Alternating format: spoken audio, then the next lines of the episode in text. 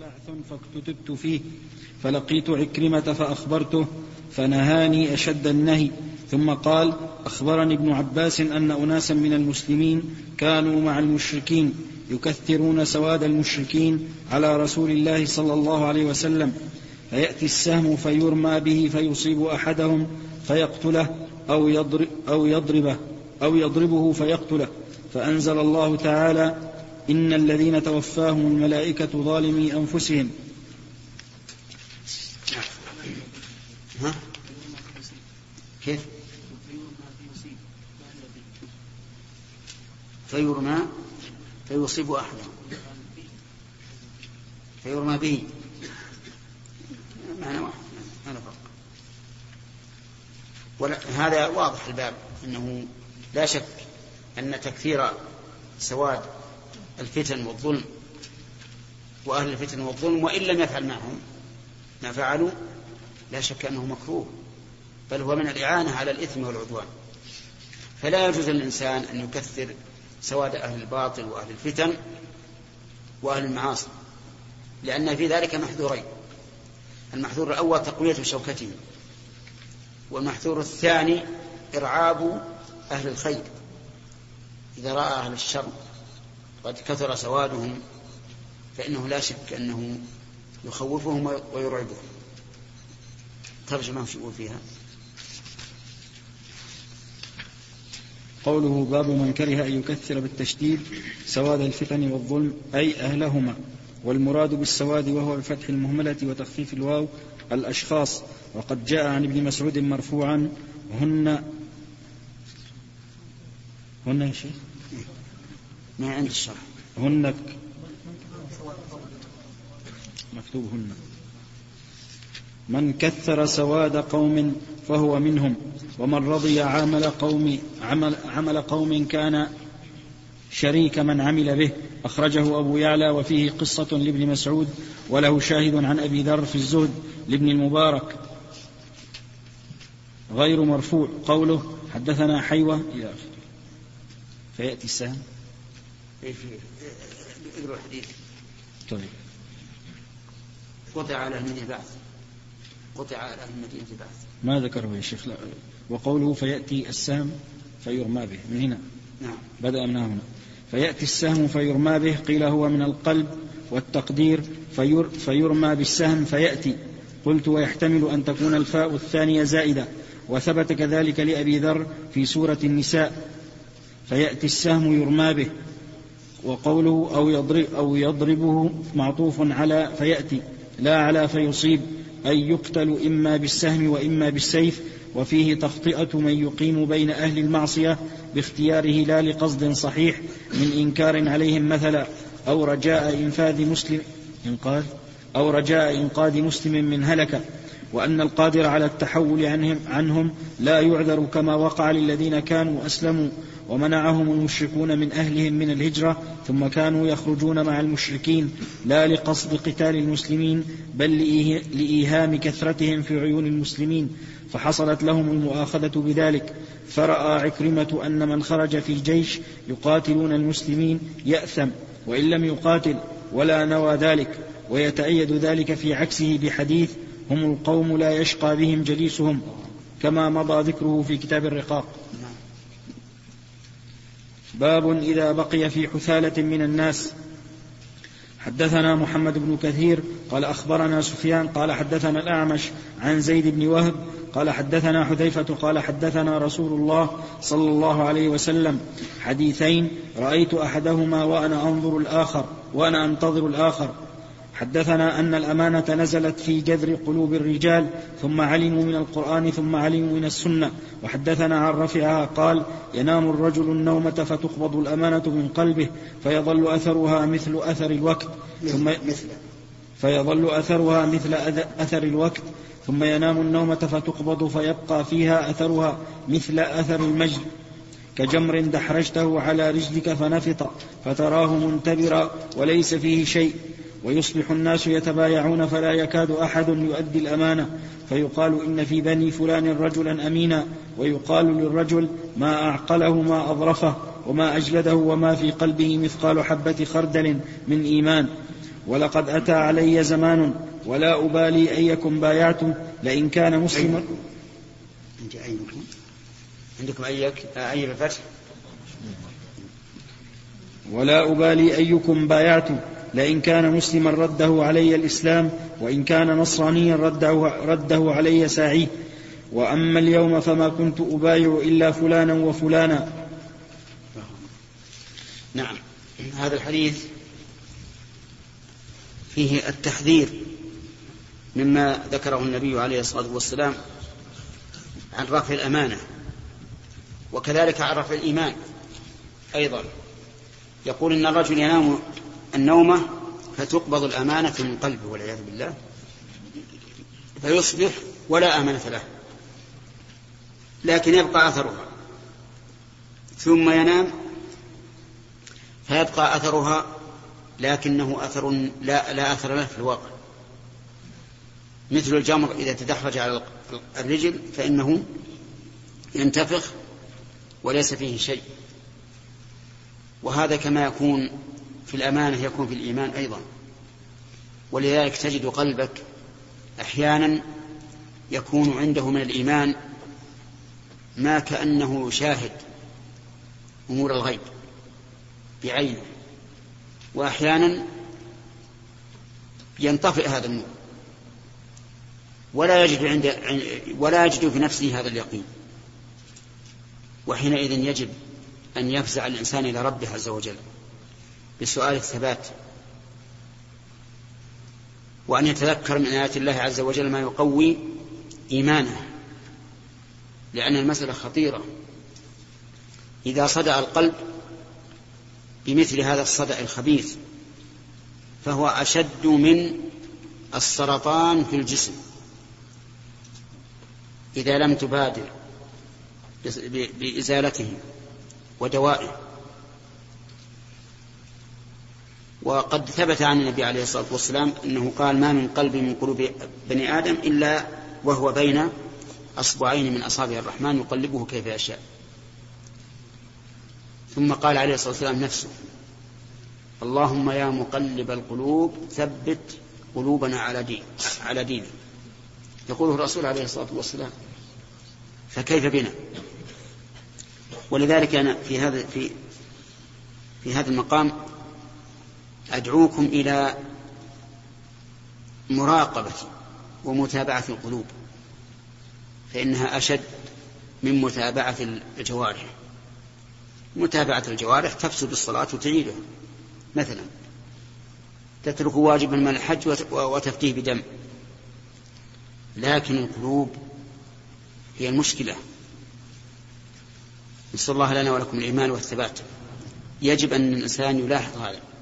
لا تنزع الأمانة من قلبه وينزع الإيمان من قلبه بل يلاحظ دائما يلاحظ ويسأل الله الثبات ويأتي. ويأتي بالأعمال الصالحة لأن الأعمال الصالحة مثل سقي الشجرة الشجرة إذا يبس حوضها من الماء فإنها تذبل وتبدأ أشجار آه، أوراقها تتساقط فإذا أتى عليها بالماء ورواها عادت خضرتها وانتعشت. فالأعمال الصالحة بمنزلة سقي الماء للأشجار. فعليك بهذا. إذا رأيت من قلبك فتورا أو ضعفا فقو ذلك بالأعمال الصالحة.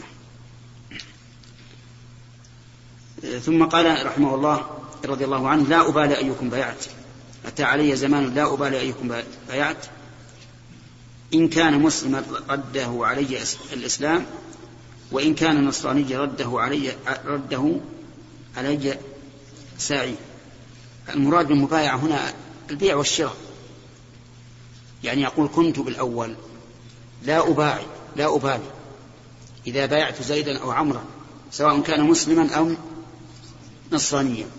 لأن المسلم يرده علي إسلام ولا يمكن أن ينكر لي شيئا أو يؤثر علي شيئا. وأما النصراني فيرده علي سعيد السعاة الذين يتفقدون النصارى في صدر الإسلام لما كان الإسلام قويا. لكن أما أما اليوم فما كنت أبايع إلا فلانا وفلانا أبايع إيش؟ بيعة العهد ولا البيع والشراء؟ البيع والشراء. لا أبايع إلا فلانا وفلانا لأنهم أمنا فصار الآن الأمنا في عهد من؟ في عهد في عهد حذيفة بن اليمان الأمنا لا يوجد إلا فلان وفلان من من البلد كم له؟ مئات مئات السنين كيف عاد الآن؟ الآن أشد وأعظم نسأل الله أن يثبتنا وإياكم باب التعرب في الفتنة. حدثنا قتيبة بن سعيد قال حدثنا حاتم عن يزيد بن أبي عبيد عن سلمة بن الأكوع. نعم. عن سلمة بن الأكوع أنه دخل على الحجاج فقال يا ابن الأكوع ارتددت على عقبيك تعربت قال لا ولكن رسول الله صلى الله عليه وسلم أذن لي في البدو.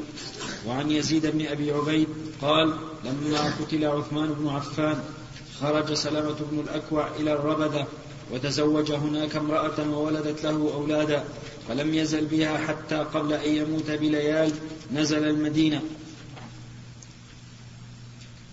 نعم. حدثنا عبد الله بن يوسف قال أخبرنا مالك عن عبد الرحمن بن عبد الله بن أبي صعصع عن أبيه عن أبي سعيد الخدري رضي الله عنه أنه قال قال رسول الله صلى الله عليه وسلم يوشك أن يكون خير مال المسلم غنم يتبع بها شعف الجبال ومواقع القطر يفر بدينه من الفتن. بسم الله الرحمن الرحيم. قول المؤلف رحمه الله باب التعرب في الفتنة. يعني الخروج إلى البادية حتى يكون أعرابيا ثم استشهد أو ثم ذكر أحاديث تدل على جوازه إذا خاف الفتن. منها حديث سلمة بن أكوع أن الرسول صلى الله عليه وسلم أذن له في البدو ومنها الحديث الثاني حديث أبي سعيد الخدري أن النبي صلى الله عليه وسلم قال يوشك أن يكون خير مال المسلم خير مال المسلم غنم يتبع بها شعب الجبال ومواقع القطف يفر بدينه من الفتن. يوشك يعني يقرب. وهذا إذا كان يخشى الإنسان على نفسه. وصار فتنة في المدن فإنه يخرج. أما إذا كان لا يخشى على نفسه فإنه يبقى من أجل أن يدعو الناس إلى الخير ويزيل عنهم الشر والفتنة. وإذا كان هو قادرا على ذلك فإنه لا يحل له أن يخرج إلى البدو من أجل البقاء في المدن وإبقاء الناس على ما هم عليه من الخير وترك الفتنة. وفي هذا دليل على أن التعرب بدون حاجة من أسباب الارتداد. ولهذا أمر النبي صلى الله عليه وسلم في حديث بريدة أنه إذا أجابه من يجيبه من الناس فإنهم يرحلون من باديتهم إلى المدن والقرى يهاجر حتى يكون لهم مال المسلمين وعليهم ما على المسلمين. نعم. إذا يخرج إلى الصحراء وهناك يلاقي مع البدر وهو كذلك يعني جهال ما يعني الهواء هم جهال وصف رسول الله صلى الله عليه وسلم. كيف أختار الصحراء؟ المراد من البدو يعني الطرف حتى ما يلاقي. لأنه هو خوفا على دينه يعني يخشى أن يرتد والعياذ بالله لأنه ما عنده قدرة على دفع هذه الشبهات. أو يخشى مثلا أن يجبر على أن يخرج ليقاتل المسلمين. وما أشبه ذلك. نعم.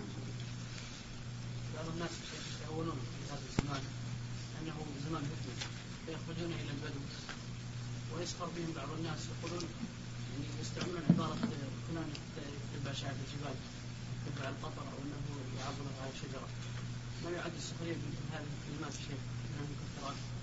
لا هو ما هو ما ما, ما سخر بالمعنى. سخر بهذا الشخص الذي فهم المعنى على على غير المراد. لأننا الآن ولله الحمد لسنا في في زمن فتنة تؤدي إلى هذه الحال خصوصا عندنا في المملكة. يعني ما وصل في الحال إلى أن نقول للإنسان أخرج من المدن اسكن البادية. يستطيع الإنسان أن يعيش في المدن ويأمر بالمعروف وينهى عن المنكر حسب القدرة. نعم. نعم. فالمدن أولى. باب التعوذ من الفتن. حدثنا معاذ بن فضالة قال حدثنا هشام عن قتادة عن أنس رضي الله عنه قال سألوا النبي صلى الله عليه وسلم حتى أحفوه بالمسألة. فصعد النبي صلى الله عليه وسلم ذات يوم المنبر فقال لا تسألوني عن شيء إلا بينت لكم. فجعلت أنظر يمينا وشمالا. فإذا كل رجل رأس فإذا كل رجل رأسه في ثوبه يبكي. فأنشأ رجل كان إذا لاح يدعى إلى غير أبيه. فقال يا نبي الله من أبي؟ فقال أبوك حذافة. ثم أنشأ عمر فقال رضينا بالله ربا وبالإسلام دينا وبمحمد رسولا. نعوذ بالله من سوء الفتن. فقال النبي صلى الله عليه وسلم ما رأيت في الخير والشر كاليوم قط. إنه صورت لي الجنة والنار حتى رأيتهما دون الحائط. قال قتادة يذكر هذا الحديث يذكر هذا الحديث. يذكر هذا الحديث عند هذه الآية.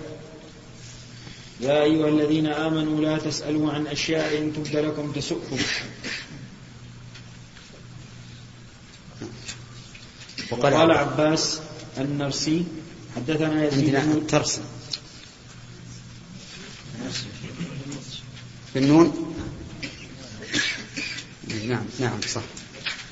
قال عباس النرسي حدثنا يزيد بن زريع قال حدثنا سعيد قال حدثنا قتادة. أن أنسا حدثهم أن نبي الله صلى الله عليه وسلم بهذا وقال كل رجل لافا رأسه في ثوبه يبكي وقال عائدا بالله من سوء الفتن. أو قال أعوذ بالله من سوء, من سوء الفتن. من سوء الفتن. سوء يجوز يجوز. من سوء فيها نسخة. سوء الفتن. وقال لي خليفة حدثنا يزيد بن زريع قال حدثنا سعيد ومعتمر عن أبيه عن قتادة أن أنسا حدثهم عن النبي صلى الله عليه وسلم بهذا وقال عائدا بالله من شر الفتن. هذا الحديث كما ترون الصحابة رضي الله عنهم سألوا النبي صلى الله عليه وآله وسلم حتى أفوا بالمسألة. يعني أتعبوه في المسألة حرصا منهم على العلم. لا لا لا, تطرقا لإيذاء النبي صلى الله عليه وآله وسلم. فصعد المنبر فصعد ذات يوم المنبر فقال لا تسألوني عن شيء إلا بينت لكم. وهذا خبر صدق. لو سألوه عن أي شيء لبينه. لكن هذا فيه فتنة. لأنهم ربما يسألونه عن أشياء في الجاهلية عن آبائهم عن أمهاتهم. عن أمور ستحدث في المستقبل فتكون مرعبة مزعجة. فلما قال هذا جعل كل إنسان رأسه في ثوبه ولفه عليه وجعلوا يبكون رضي الله عنه. يبكون تعظيما لرسول الله صلى الله عليه وسلم وخجلا أن أن ألجأوا النبي صلى الله عليه وآله وسلم إلى أن يقول هذه المقالة. فقام رجل كان يدعى إذا لاح يعني إذا خاصم يدعى إلى غير أبيه. وهذا تعريض بالقذف أو قذف. فقال يا نبي الله من أبي؟ قال أبوك حذافة وهو أبوه حقا. فقال عمر ثم أنشأ عمر فقال رضينا بالله ربا وبالإسلام دينا وبمحمد رسولا. لتأكيد العقيدة. وأنهم يؤمنون بالرسول عليه الصلاة والسلام حق الإيمان. ثم قال نعوذ بالله من سوء الفتن. خشي أن يقوم أحد فيسأل أسئلة تكون فتنة للناس إلى يوم القيامة. فقال النبي صلى الله عليه وآله وسلم ما رأيت في الخير والشر كاليوم قط. يعني أنه أقر عمر على تعوذه من الفتن. وهذا وهذا سنة. يعني أي أن إقرار النبي صلى الله عليه وآله وسلم على شيء يعتبر من سنته. قال ما رأيت في الخير والشر كاليوم قط. الكاف هنا اسم بمعنى مثل. فتكون مضافة إلى اليوم. وتكون مفعولا به لقوله رأيت. يعني ما رأيت مثل اليوم في الخير والشر. وذلك أنه صورت له الجنة والنار حتى رآهما دون الحائط. ولو سألوه من فيهما لأجاب. لأنه يقول بالأول لا تسألون عن شيء إلا بينت لكم. قال قتادة يذكر هذا الحديث عند هذه الآية يا أيها الذين آمنوا لا تسألوا عن أشياء إن تبد لكم تسؤكم وهذا في عهد النبي عليه الصلاة والسلام. أما بعد وفاة النبي صلى الله عليه وآله وسلم فالواجب أن يسأل الإنسان عن كل ما يحتاج إليه. لأنه إن كان عند المسؤول علم بينه وإلا سكت. ثم ذكر ألفاظا أخرى في الحديث وقال كل رجل لا رأس رأسه في ثوبه يبكي. وقال عائذا بالله من سوء الفتن. أو قال أعوذ بالله من سوء الفتن. واللفظ الثالث عائذا بالله من شر الفتن. قوله أعوذ بالله من سوء الفتن ما فيها أشكال من حيث الإعراب لكن عائدا عائدا بالله. ما وجه النصب فيها؟ حال منين؟ مفعول مطلق؟ لا. عائدا عائدا هي أعوذ عائدا اسم فاعل اسم فاعل. فهي حال. ما أعربها عندك بالشرح؟ شيخ على الحال. منين؟ عائدا بالله هكذا وقع بالنصب وهو على الحال أي أقول ذلك عائدا أو على المصدر أي عياذا لا عائدا بالله أحسن. حال.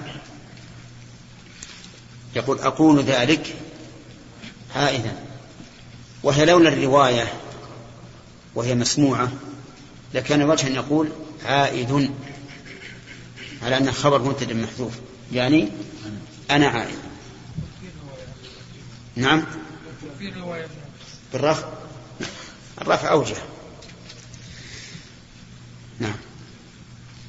باب قول النبي صلى الله عليه وسلم الفتنة من قبل المشفع. حدثني عبد الله بن محمد قال حدثنا هشام بن يوسف عن معمر عن الزهري عن سالم عن أبيه عن النبي صلى الله عليه وسلم أنه قام إلى جنب المنبر فقال الفتنة ها هنا الفتنة ها هنا من حيث يطلع قرن الشيطان. وقال أو قال.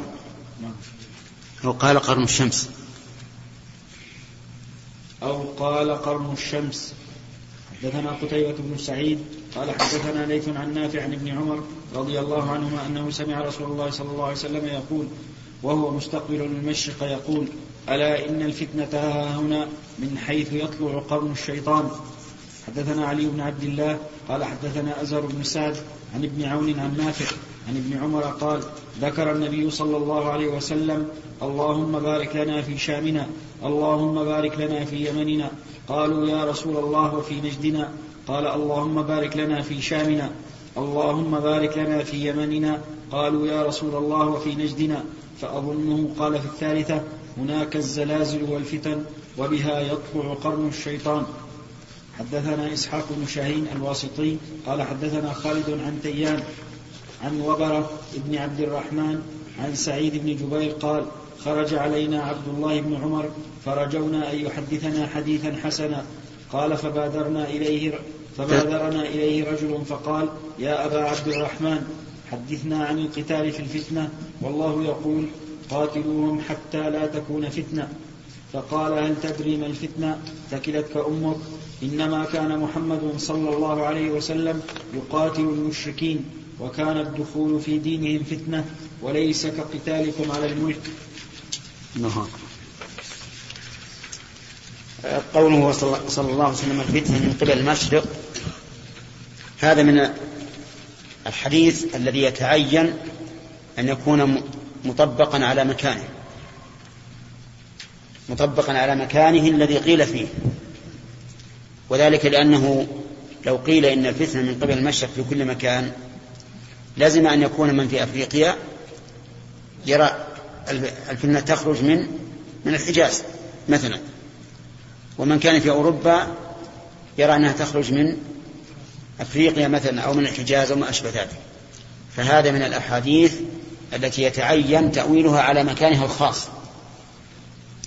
وقول عليه الصلاة والسلام من حيث يطلع قرن الشيطان أو قال قرن الشمس شك من الراوي. ولا شك أن قرن الشمس يطلع مع قرن الشيطان. لأن الشيطان إذا طلعت الشمس يكون مقارنا لها فيسجد له الكفار وهو يرى أنهم يسجدون له. ثم ذكر الحديث الآخر اللهم بارك لنا في شأننا اللهم بارك لنا في يمننا وفي قالوا يا رسول الله وفي نجدنا. قال اللهم بارك لنا في شأمنا اللهم بارك لنا في يمننا. قالوا يا رسول الله وفي نجدنا؟ فأظنه قال في الثالثة هناك الزلازل والفتن وبها يطلع قرن الشيطان. قال أهل العلم إن النجد اسم لكل مرتبة وأن المراد بها نجد العراق لأن الفتن ظهرت في نجد العراق ظهورا عظيما في زمن في أواخر زمن الخلفاء الراشدين وكذلك في أوائل آه، خلافة بني أمية. وسنأخذ الكلام عليه إن شاء الله الآن. في الشرح. الله أكبر. نشرب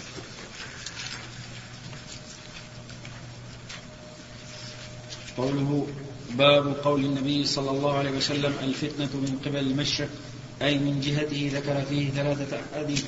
الأول ذكره من وجهين وقد ذكر وقد ذكرت في شرح حديث أسامة في أوائل كتاب الفتن وجه الجمع بينه وبين قوله صلى الله عليه وسلم إني لأرى الفتن خلال بيوتكم وكان خطابه ذلك لأهل المدينة قوله عن النبي صلى الله عليه وسلم أنه قام إلى جنب المنبر في رواية عبد الرزاق عن معمر عند الترمذي أن النبي صلى الله عليه وسلم قام على المنبر وفي رواية شعيب عن الزهري كما تقدم في مناقب قريش بسنده سمعت رسول الله صلى الله عليه وسلم يقول وهو على المنبر.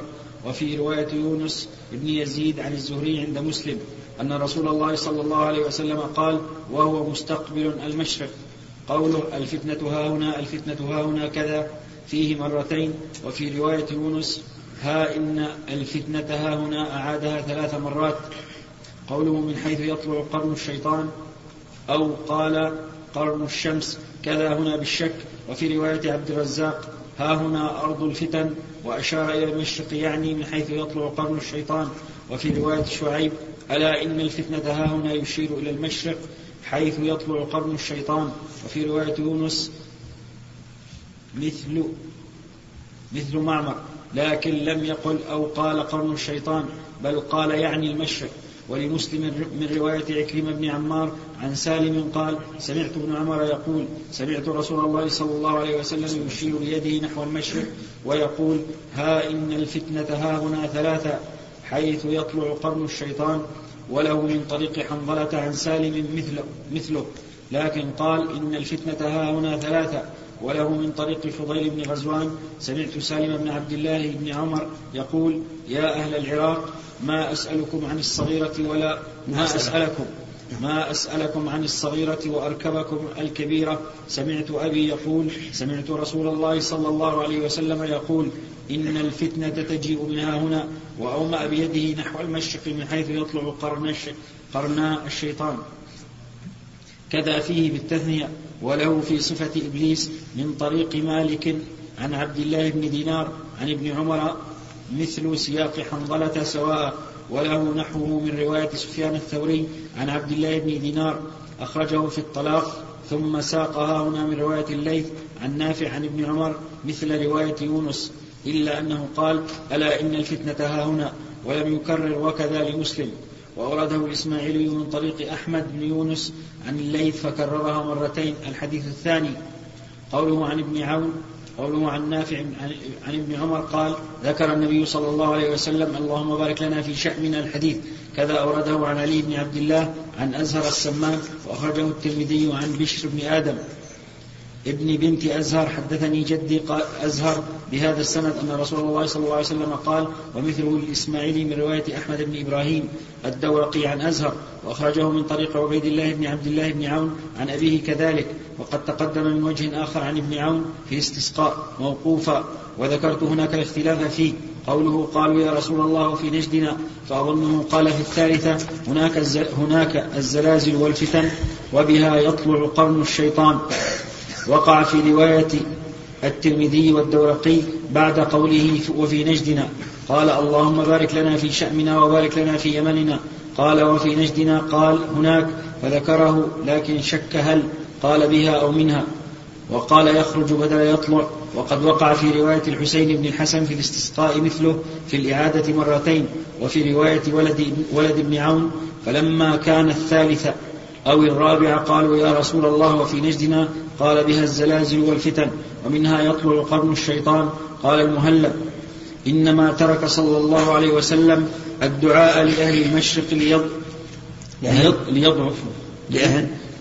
قال المهلب إنما ترك صلى الله عليه وسلم الدعاء لأهل المشرق ليضعفوا عن الشر الذي هو موضوع في جهتهم لاستيلاء الشيطان بالفتن. وأما قوله قرن الشمس فقال الداودي للشمس للشمس قرن حقيقة ويحتمل أن يريد بالقرن قوة الشيطان وما يستعين به على الإضلال وهذا أوجه.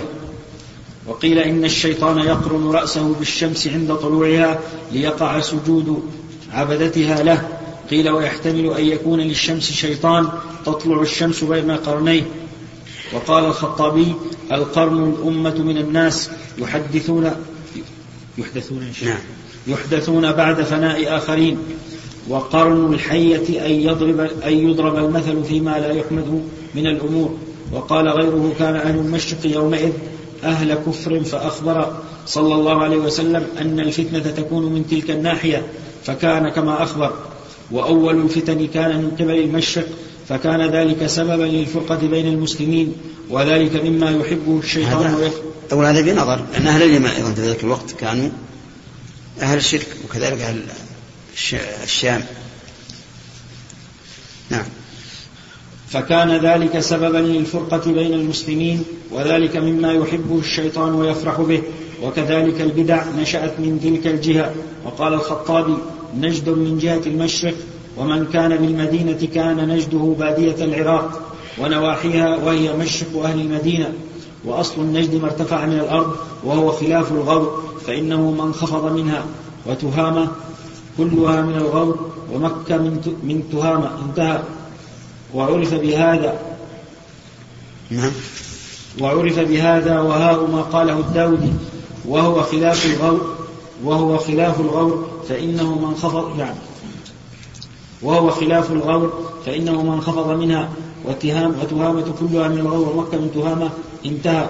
وعرف بهذا ما قاله الداودي أن نجدا من ناحية العراق فإنه توهم أن نجدا موضع مخصوص وليس كذلك بل كل شيء ارتفع بالنسبة إلى ما يليه يسمى المرتفع نجدا والمنخفض غورا.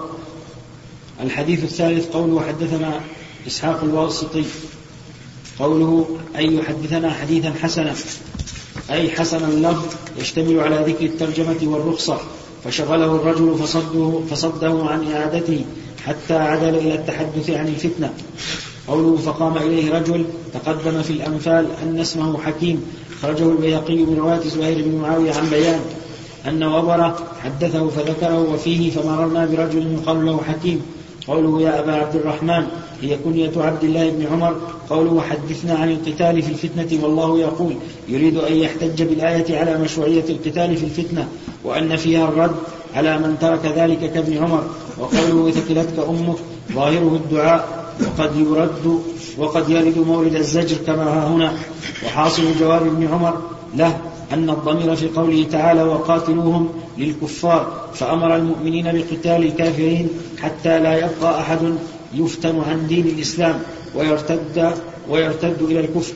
وقع نحو هذا السؤال من نافع بن الأزرق وجماعة لعمران بن حسين فأجابهم بنحو جواب ابن عمر أخرجه ابن ماجه. وقد تقدم في سورة الأنفال من رواية زهير بن معاوية عن بيان بزيادة فقال بدل قوله وكان الدخول في دينهم فتنة فكان الرجل يفتن عن دينه إما يقتلوه وإما يوثقونه حتى كثر الإسلام فلم, نكن فلم تكن فتنة. أي لم يبق فتنة أي من أحد من الكفار لأحد من المؤمنين. ثم ذكر سؤاله عن علي وعثمان وجواب ابن عمر وقوله ها هنا وليس كقتالكم على الملك أي في طلب الملك يشير إلى ما وقع بين مروان ثم عبد الملك ابنه وبين ابن الزبير وما أشبه ذلك. وكان رأي ابن عمر ترك القتال في الفتنة ولو ظهر أن إحدى الطائفتين محقة. والأخرى مبطلة وقيل الفتنة مختصة بما إذا وقع القتال بسبب التغالب في طلب الملك. وأما إذا علمت, علمت الباغية فلا تسمى فتنة أما إذا علمت, علمت. وأما إذا علمت الباغية فلا تسمى فتنة وتجب مقاتلتها حتى ترجع إلى الطاعة. وهذا قول الجمهور. نعم. قال قائل بالنسبة لهذا الحديث في سورة رواية في تاريخ بغداد يقول أن الرسول صلى الله عليه وسلم دعا دعا للشام للشام والحجاز واليمن. في رجل عراقي خلفه فقال هو عراقي. فقال فسكت النبي صلى الله عليه وسلم. ثلاث مرات يعني رددها عليه العراقي فذهب العراقي فقال تعال يا فناداه النبي صلى الله عليه وسلم. فقال ما أنت عراقي؟ قال نعم. قال السبب اللي حملت يعني معنى الحديث إيه. إن ما ما خلاني ادعي للعراق إن إبراهيم عليه السلام إن إبراهيم عليه السلام همم ان يدعي عليه. فأوحى الله إليه لا يدعي عليه. فأنا لم أدعي عليه. هذه في رواية في تاريخ إيه. ثانيا بالنسبة للظن يقول هذا ظن. أي بالنسبة إذا قال فضل فظنوا في الثالثه هناك الزلازل والفتن الظن لا يفيد اذا كان قال ثالثا قول ابن القيم. لا لا قوله فأظن في الثالثة. يعني هل قالها في الثانية أو في الثالثة؟ ما هو الظن لما قال؟ ليس الظن هنا لما قال. الظن هل كانت في الثانية أو في الثالثة؟ نعم. لأنه قول ابن القيم رحمه الله أن كل ما ورد في ذم العراق فهو ليس بصحيح. ما هو مسلم. أقول ما هو مسلم ولا حديث واضح فيه. والفتن ظهرت من قبل العراق الخوارج غير الخوارج والفتن كلها في العراق. علي بن أبي طالب رضي الله عنه والحسين وغيرهم كلهم في العراق. شيخ ما يسمون هذه المنطقة أن منطقة إي نعم. هذه هذه المشكلة. لأن بعض الناس الذين قاموا ضد الشيخ محمد بن الوهاب رحمه الله قالوا إن الشيخ محمد من نجد ونجد هي قرن الشيطان. لكن العلماء أنكروا عليهم. قالوا نجد ما هي من قبل ما هي قبل المشرق بالنسبة لها أهل المدينة. اللي قبل المشرق لأهل المدينة هي العراق. أما النجد نجد فتقع عنها يمينا. إذا كنت مستقبل المشرق فإنها تقع عنها يمينا. وليكن شرقا يكون هو قبل العراق. وهذا هو هذا هو الأقرب. ومن تتبع التاريخ عرف هذا. لأنه ما حصل من أهل نجد مثل ما حصل من أهل العراق. ولا صحيح أن نجد حصل فيها مسيلمة كذاب وظهر لكنه قضي عليه بدون فتنة تذكر. نعم. الله إليكم. بعض الإخوان يا شيخ يجعل يعني المشرق ما هو حاصل الآن في العراق وإيران فهل الأمر كما ذكر أو هو أبعد من ذلك؟ وإذا رأينا حديث الرسول أنا قلت لكم هذا الحديث يتعلق بالمكان. المشرق للمدينة هو هذا. جهة الشرق جهة العراق هو وما ولاها. وربما يكون أيضا ما وراءه. ربما يعني يأجوج ومأجوج كلهم من, من ناحية المشرق. وقد قال عنهم من, من كانوا يؤذونهم إنهم مفسدون في الأرض. نعم ربما يشمل. نعم. كلام. نعم. نعم. على كل حال إذا إذا رأينا إلى المشرق تماما ونحن في المدينة عرفنا ما يريد نجد هذه. ثم لا ثم, ثم لا يضر الواقع. يعني لا يضر. إذا كان الرسول لم يدع لهم بالبركة. فليس يعني هذا أنه لا يكون فيهم أهل خير وأهل دعوة. يكون فيهم لكن لئلا يغتروا إذا بورك لهم في هذا لئلا يغتروا فيطغوا نعم. الحديث. نعم. هذه لمن؟ ها؟ السندي السندي. عبد القادر؟ عبد القادر حبيب الله. السندي. ها؟ غيره؟ إيه. لهم العلماء تكلموا عليه ببسط أكثر مما تكلم الشرح نظرت أن يبسط القول فيها لكن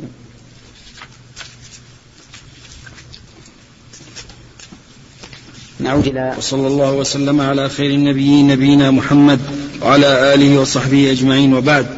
قال البخاري رحمه الله تعالى باب الفتنة التي تموج كموج البحر. وقال ابن عيينة عن خلف بن حوشب قال كانوا يستحبون أن يتمثلوا بهذه الأبيات عند الفتن. قال امرؤ القيس الحرب أول ما تكون فتية تسعى بزينتها لكل جهول حتى إذا اشتعلت وشب ضرامها ولت عجوزا غير ذات حليل. شمطاء ينكر لونها وتغيرت مكروهة للثم والتقبيل. الشم؟ للثم. يمكن رواية ثانية. عندنا للشم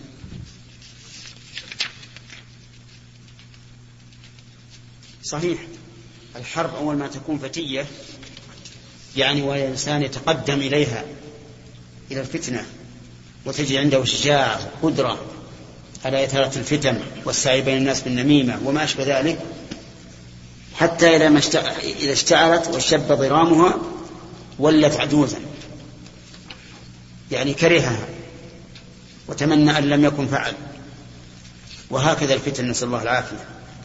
أول ما تبدأ يجد الإنسان من نفسه خفة في إغرامها ويجد أن أنه يعطي نفسه شيئا من الحرية ولكن في النهاية يندم ندما عظيما ويتمنى أن لم يكن.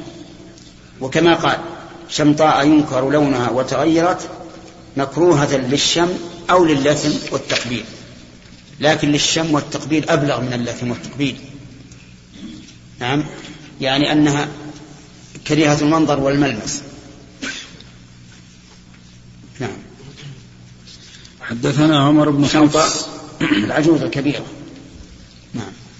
حدثنا عمر بن حفص بن غياث قال حدثنا أبي قال حدثنا الأعمش قال حدثنا شقيق قال سمعت حذيفة يقول بينا نحن جلوس عند عمر إذ قال أيكم يحفظ قول النبي صلى الله عليه وسلم في الفتنة؟ قال فتنة الرجل في أهله وماله وولده وجاره يكثرها الصلاة والصدقة والأمر بالمعروف والنهي عن المنكر. قال ليس عن هذا أسألك ولكن التي تموج كموج البحر. فقال ليس عليك منها بأس يا أمير المؤمنين إن بينك وبينها بابا مغلقا. قال عمر أيكسر الباب أم يفتح؟ قال لا بل يكسر. قال عمر إذا لا يغلق أبدا. قلت أجل. قلنا لحذيفة أكان عمر يعلم الباب؟ قال نعم. كان كما يعلم أن دون غد الليلة. وذلك أني حدثته حديثا ليس بالأغاليط فهبنا أن نسأله من الباب. فأمرنا, مش فأمرنا مسروقا فسأله فقال من الباب؟ قال عمر. حدثنا سعيد ابن أبي مريم قوله فتنة الرجل في أهله وماله وولده وجاره يكفرها الصلاة والصدقة. فتنة الرجل في أهله وماله وولده. هذه الفتنة إما يعني إما أن يعنى بها التعلق بهم. كما قال تعالى إنما أموالكم وأولادكم فتنة. والله عنده أجر عظيم. أو يعني بها عدم القيام بحقهم ويؤيد هذا الاحتمال الثاني قوله وجاره فإن ظاهر فإن الظاهر أن المراد بفتن الجار عدم القيام بحقه. والجار له حقوق عظيمة. قال يكفرها الصلاة والصدقة والأمر بالمعروف والنهي عن المنكر لأنها حسنات. والحسنات كما قال ربنا عز وجل يذهبن السيئات. ولكن أمير المؤمنين عمر يسأل عن شيء أبعد. قال ليس عن هذا أسألك ولكن التي تموج كموج البحر. فقال له حذيفة ليس عليك منها بأس أمير المؤمنين. إن بينك وبينها بابا مغلقا. قال عمر أيكسر الباب أم يفتح؟ قال بل يكسر. لأنه لو فتح لأمكن إغلاقه لكن إذا كسر فسد وصار غير صالح للاستعمال. ولهذا قال عمر إذا لا يغلق أبدا. قلت أجل. قلنا لحذيفة أكان عمر يعلم الباب؟ قال نعم كما أعلم أو